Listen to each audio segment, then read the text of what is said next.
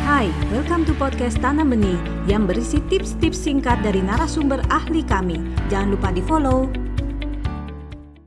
Neurodiversity Movement adalah movement atau gerakan yang dilakukan oleh orang-orang autistik dewasa, terutama di negara maju, yang memperjuangkan supaya autism itu dianggap atau dipandang sebagai kondisi yang unik, bukan sebagai penyakit atau gangguan. Kalau dulu memang autism itu kan dianggapnya kayak penyakit, disorder, kelainan. Tapi riset itu kan terus berkembang, ilmu pengetahuan itu terus berkembang. Saat ini pengertian autism itu juga semakin berkembang. Orang semakin melihat autism bukan sebagai gangguan, melainkan suatu kondisi yang unik, kondisi yang spesial, terutama oleh orang-orang autistik di negara maju yang sudah dewasa, mereka memperjuangkan supaya pengertian autism itu dilihat dengan kacamata yang lebih ramah dan lebih positif. Jadi saat ini sedang terjadi yang namanya neurodiversity movement yang awalnya diprakarsai oleh orang-orang autistik dewasa di negara maju yang memperjuangkan pandangan bahwa autism adalah suatu kondisi yang unik, bukan gangguan. Neurodiversity movement ini melihat autism sebagai kondisi yang spesial, kondisi yang unik. Seseorang yang autistik itu memiliki kemampuan memproses informasi yang unik, yang berbeda. Jadi kata kuncinya tuh unik dan berbeda, bukan terganggu seperti itu. Dan mereka melihat bahwa orang-orang autistik sama seperti orang-orang pada umumnya itu punya perasaan, punya hak untuk hidup bahagia, untuk hidup optimal. Mereka perlu disupport untuk hal-hal yang bisa menghambat optimalnya mereka. Mereka juga perlu disupport untuk bisa meraih kemandirian, bisa berprestasi sesuai dengan potensinya, dan yang terpenting mereka memperjuangkan bahwa setiap individu autistik itu berhak punya quality of life yang maksimal. Quality of life maksudnya mereka berhak hidup bahagia.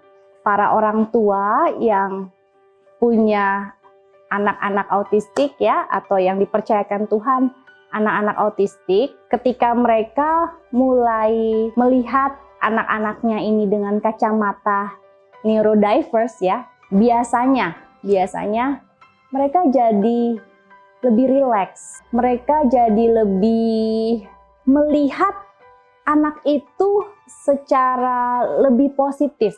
Berbeda dengan kalau dulu mereka melihat aduh anak saya sakit, anak saya ada gangguan. Biasanya ketika orang-orang melihat anaknya, oh ini cara memproses informasinya beda. Pace-nya atau kecepatannya mungkin berbeda dibanding anak-anak lain. Cara saya ngajar dia mungkin berbeda gitu. Tapi dalam pikirannya, dalam konsepnya bukan nggak normal gitu mereka melihatnya sangat positif sehingga mereka akhirnya bisa treat anak ini sama dengan saudara kandungnya yang tidak autis. Kalau dulu mungkin dengan pendekatan yang medis atau patologis, mereka setiap kali sama anaknya yang autis ini lebih kuatiran. Kuatiran dalam arti itu cemas, kemudian cara memperlakukannya jadi nggak natural, jadi beda. Dan karena kuatirnya jadi terapinya banyak yang berlebihan dan macam-macam yang nggak perlu. Nah, dengan mereka memandang anaknya ini lebih positif, biasanya mereka lebih slow down, mereka lebih relax, mereka lebih objektif bisa melihat apa yang anaknya betul-betul perlukan, mereka bisa lebih tenang dan mereka lebih bisa bijak untuk mempertimbangkan treatment mana yang perlu untuk anak ini sesuai dengan kondisi untuk mengoptimalkan potensinya. Jadi kalau kita bilang mengoptimalkan, kita betul-betul jadi berusaha sensitif dan peka melihat profil unik si anak ini. misalnya kita jadi betul-betul menggali cara belajar anak ini gimana sih? Kalau anak lain yang tidak ada autis, mungkin dengan duduk di kelas mendengarkan guru, gurunya pakai alat peraga biasa ditunjukkan di depan kelas, mungkin kalau anak yang tidak ada autis bisa. Nah, tapi kalau ada kondisi autismnya, ya, dengan pendekatan neurodiverse yang melihat anak ini unik, kita akan mencari tahu cara terbaik anak ini belajar tuh gimana. Misalnya, oh dia nggak bisa kelas yang terlalu besar, maksimal 3 sampai 5 orang misalnya. Oh, pencahayaan di kelas tidak boleh terlalu silau karena dia ada kondisi sensoris yang kalau dia terlalu silau, dia jadi nggak fokus. Atau alat peraganya tidak cukup hanya ditampilkan, tapi perlu di dekat dia dan dia perlu sentuh. Contohnya seperti itu.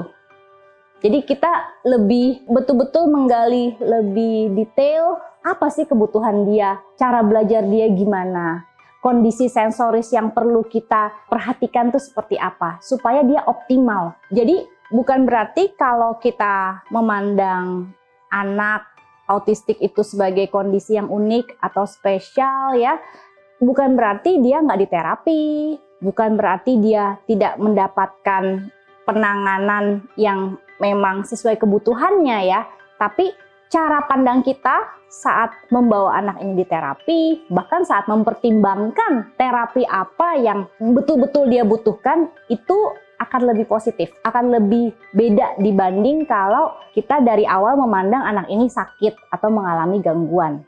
Pendekatan neurodiversity ini masih butuh waktu lama mungkin untuk bisa di-embrace, bisa diterima oleh orang tua dan masyarakat di Indonesia. Karena selama ini kacamata medis atau patologis itu kan sudah sangat berakar.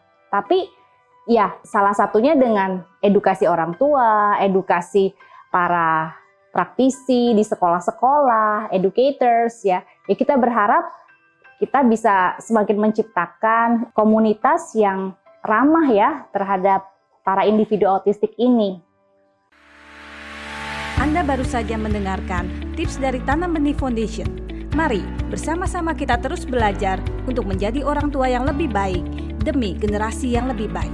Jangan lupa follow podcast kami.